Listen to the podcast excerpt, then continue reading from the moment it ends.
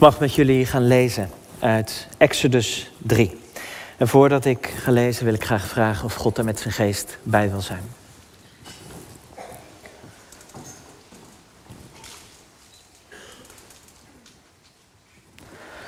Vader, dit is uw, uw woord.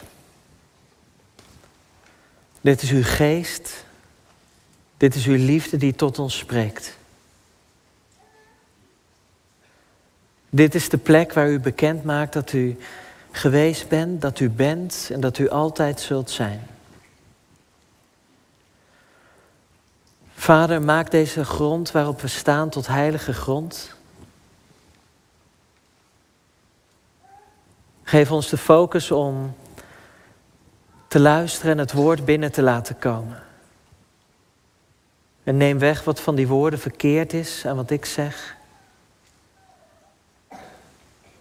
Maak standvastig de woorden die van u zijn.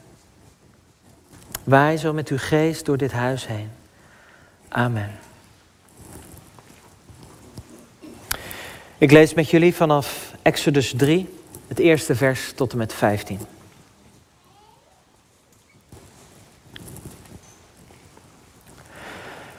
Mozes was gewoon de schapen en de geiten van zijn schoonvader Jethro, de Midianitische priester, te weiden.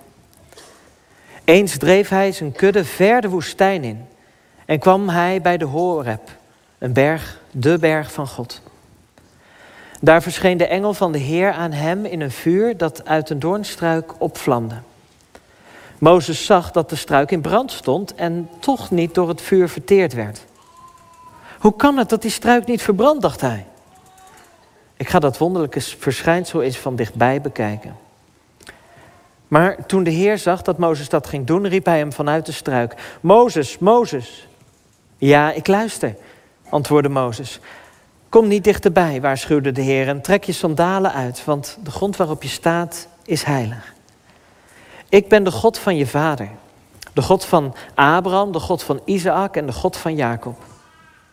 Mozes bedekte zijn gezicht, want hij durfde niet naar God te kijken.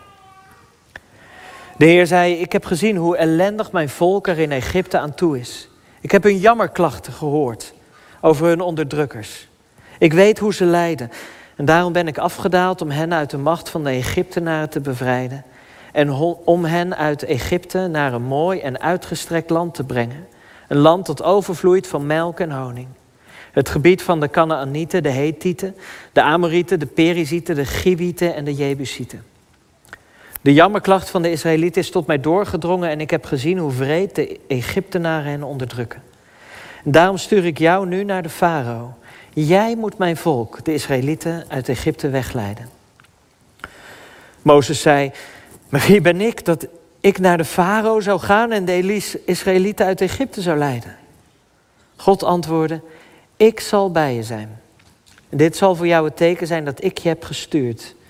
Als jij het volk uit Egypte hebt weggeleid, zullen jullie God bij deze berg vereren.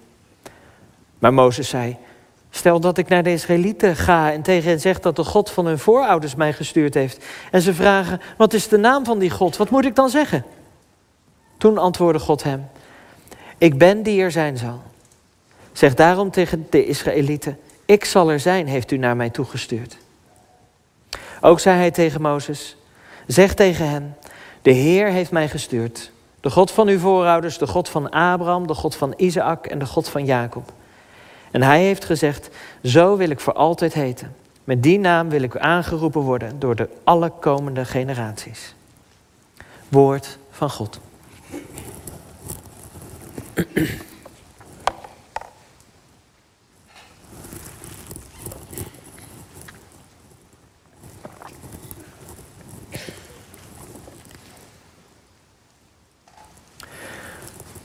Lieve gemeente, broers en zussen.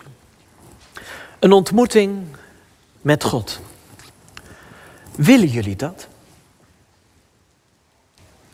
Gaat eens in je hoofd na wat er gebeurt als je God ontmoet.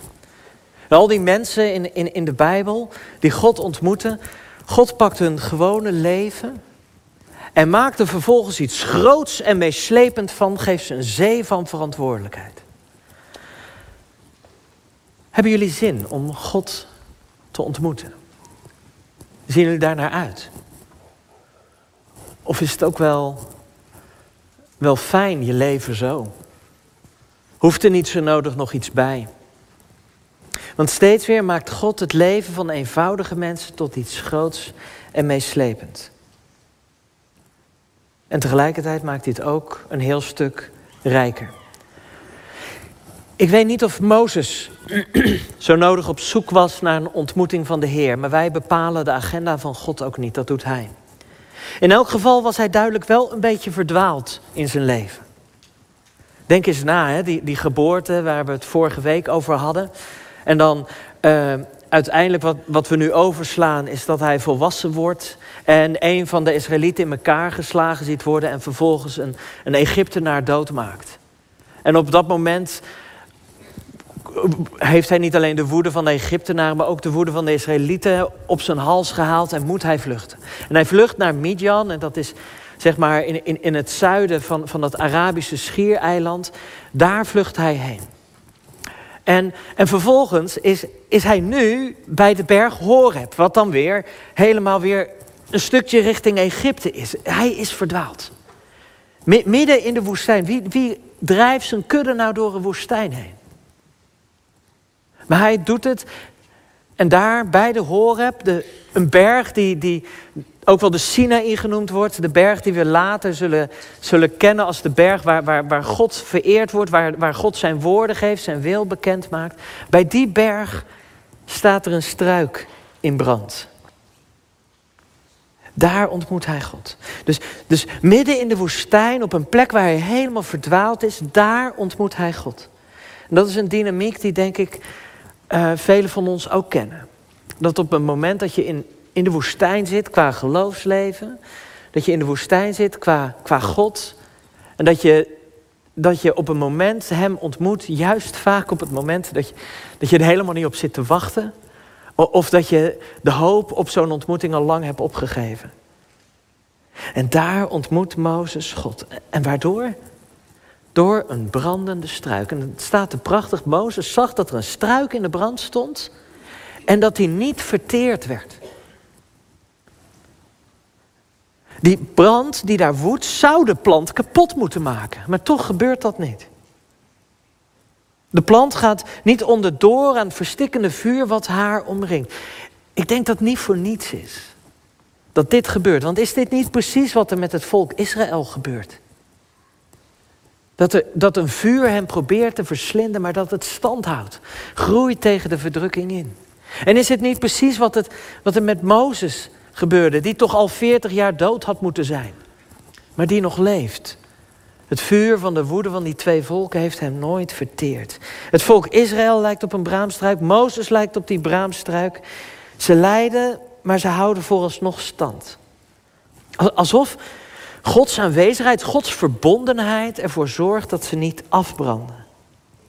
En later zou Jezaja zeggen, al moet je door het vuur gaan, het zal je niet verslinden. De vlammen zullen je niet verteren. Want ik, de Heer, de Heilige van Israël, ben je God, je redder. En dat beeld van die brandende struik gebruikt God om, om Mozes als het ware naar zich toe te roepen. Die struik is heilige grond. En natuurlijk is het Gods stem, Gods woord, die zegt: Dit is heilige grond. Maar het zit al verborgen in dat beeld van die struik. De struik is de heiligheid die zichtbaar wordt.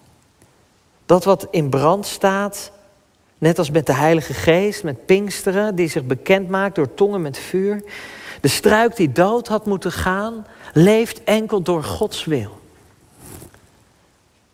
Het lijden dat moeten verschroeien, dat alles zwart en door had moeten maken, krijgt uiteindelijk geen vat op het leven.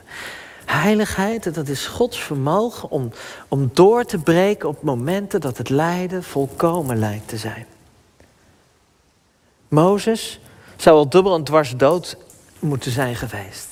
Ontsnapt eerst aan een kindermoord, ontsnapt aan de woede van twee volken, verbannen naar een ander land en vreemdeling geworden. Niemand die zijn naam nog kent.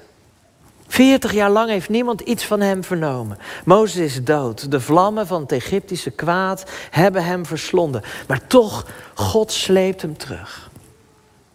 Verlang jij ernaar om God te ontmoeten? Mozes blijkbaar wel, want, want, want als God dan zijn naam noemt, valt hij als het ware op de knieën en zegt hij, Hineni. In, in uh, deze vertaling is ze vertaald met ik luister, maar eigenlijk is het heel letterlijk Hineni, hier ik.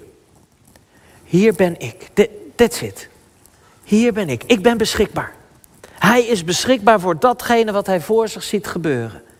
Als het kan dat, dat, dat iets leidt, maar niet verschroeit, niet door een doodswoord, maar blijft leven, dan is hij beschikbaar. En dan zegt God wie hij is. Ik ben de God van je, je vader en van Abraham en Isaac en Jacob. Wat, wat zou Mozes hier gehoord hebben?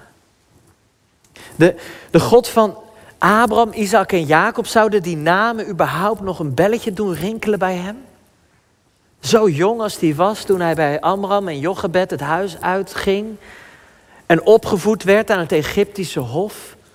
Zou hij nog weten wie Abraham, Isaac en Jacob zijn? Wat had hij daarvan meegekregen? Hoeveel wist hij van de opa en de vader van de eerste migrant van zijn geboortevolk? En wie was zijn vader? Wat zal hij hier gehoord hebben als zijn vader? Wie was zijn vader? Hij had drie vaders. Amram, die hem verwekt had. De farao in wiens huis hij opgegroeid was. En Jethro. En als je kijkt welke rollen die mannen spelen in het latere leven van Mozes, blijkt alleen Jethro betrokken te blijven op zijn leven. Wordt hij later als raadsheer ook ingezet wanneer Mozes het volk door de woestijn gaat leiden. Wanneer hij hoort de God van je vader, dan moet hij ook gehoord hebben de God van Jethro. Oftewel, de God die je ontmoet hebt bij Jethro, de, de rust die jij gevonden hebt in Midjan. De veilige haven die Jethro en zijn huis voor jou zijn geweest, is dezelfde God als de God van het volk waar jij onderdeel van bent en wat onderdrukt wordt. Hier vloeien de twee levens in dat ene zinnetje. Ik ben de God van je vader, van Abraham en Isaac en Jacob. Vloeit, vloeien die twee levens met elkaar samen. Zijn beide levens, het leven wat hij achter zich had gelaten, wat hij vergeten wilde, waar hij nooit meer op aangekeken wilde worden. En het leven van 40 jaar in de woestijn schapenhoeden. Wat hoort hij als hij dit hoort? En God zegt, ik ben de God van je vader. En Mozes verbergt zich. Er is hier meer aan de hand dan alleen een interessant wonder. Er is niet een plaatselijke Horeb God. Nee, het is de God van je vader, van Abraham en Isaac en Jacob. De God van de, het onderdrukte volk, die ook de God van zijn schoonvader was. En Mozes zal wel gedacht hebben, had ik maar nooit Hineni gezegd. Had ik maar nooit gezegd, ik ben beschikbaar, ik ben er. Want ik weet niet of ik wel voor die God beschikbaar ben. En zo kan het voor ons misschien ook wel eens voelen. Dat onze beschikbaarheid voor God niet zo heel erg groot is. Vaak is Hij onze kerkgod. Degene aan wie wij een uurtje of anderhalf per week besteden. Die we op kring ontmoeten. Ehm, de God van de liedjes. De God van ons avondsgebed.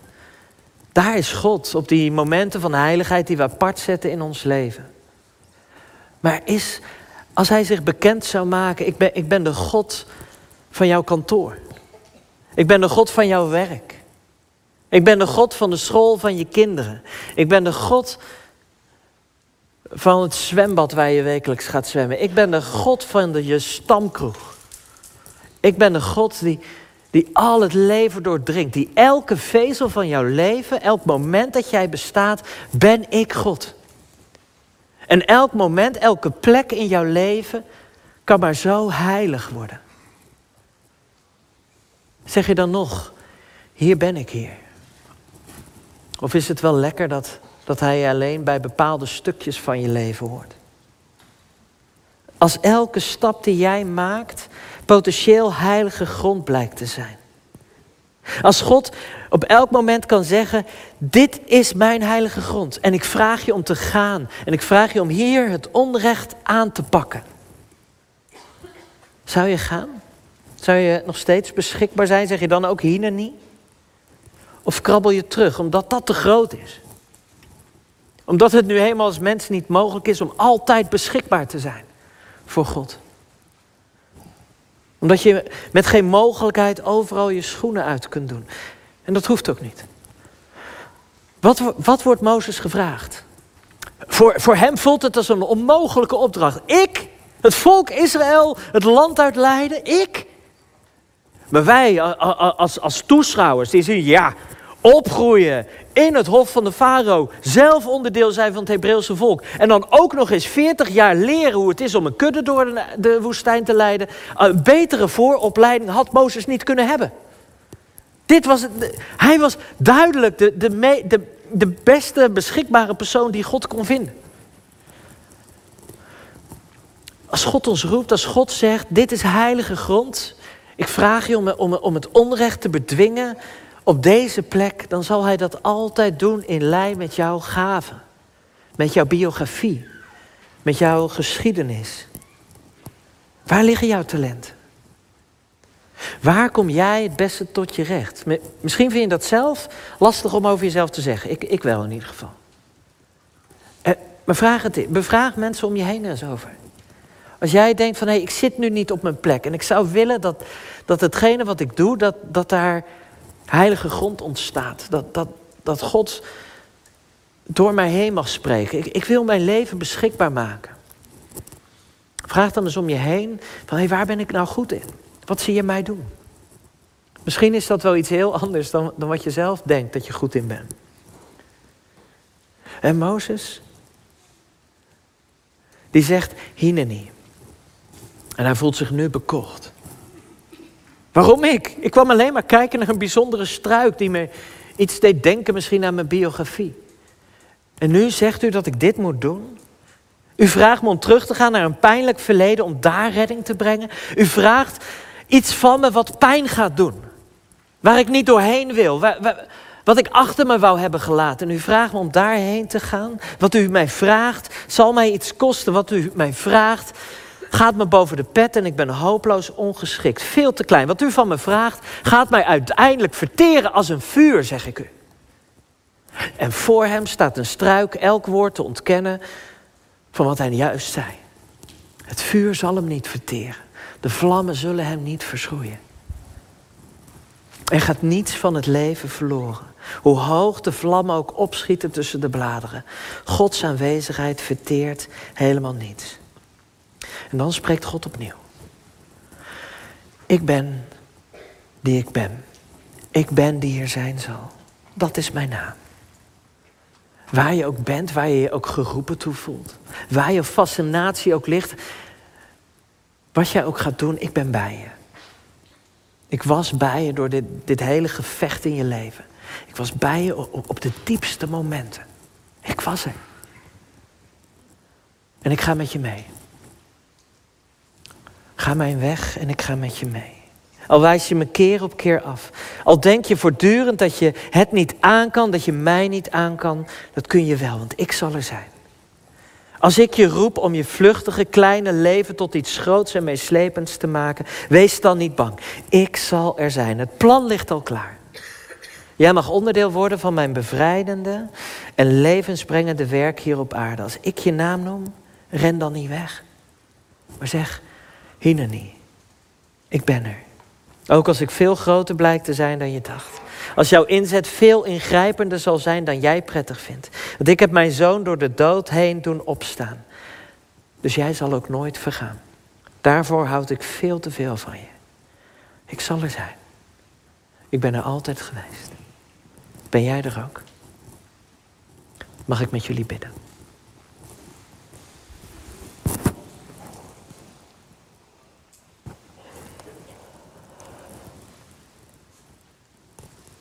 Heer, we komen bij u. Als mensen die geregeld verdwaald zijn. Die ook overspoeld worden door het, het leven wat steeds op ons afkomt. En we vragen u,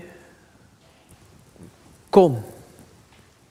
Geef ons een beeld van u in ons leven, zodat wij kunnen zeggen, ik ben beschikbaar. En als wij dat al gezegd hebben, als we al die beschikbaarheid aan u gegeven hebben, roep ons dan opnieuw en versterk ons in onze roeping. Vader, ik bid u voor degenen hier die, die God al lang kwijt zijn. Die die beschikbaarheid al lang hebben opgegeven. En ik vraag u om, om een wonder. Breng alle verdwaalde mensen tot u. Roep ze en toon ze uw liefde. Toon ze dat u altijd al van ze gehouden hebt. En maak ons bereid om steeds weer uw weg te gaan. Om zichtbaar te worden. Om een struik te zijn in iemands anders leven. Help ons om te zien waar uw heilige grond is. Amen.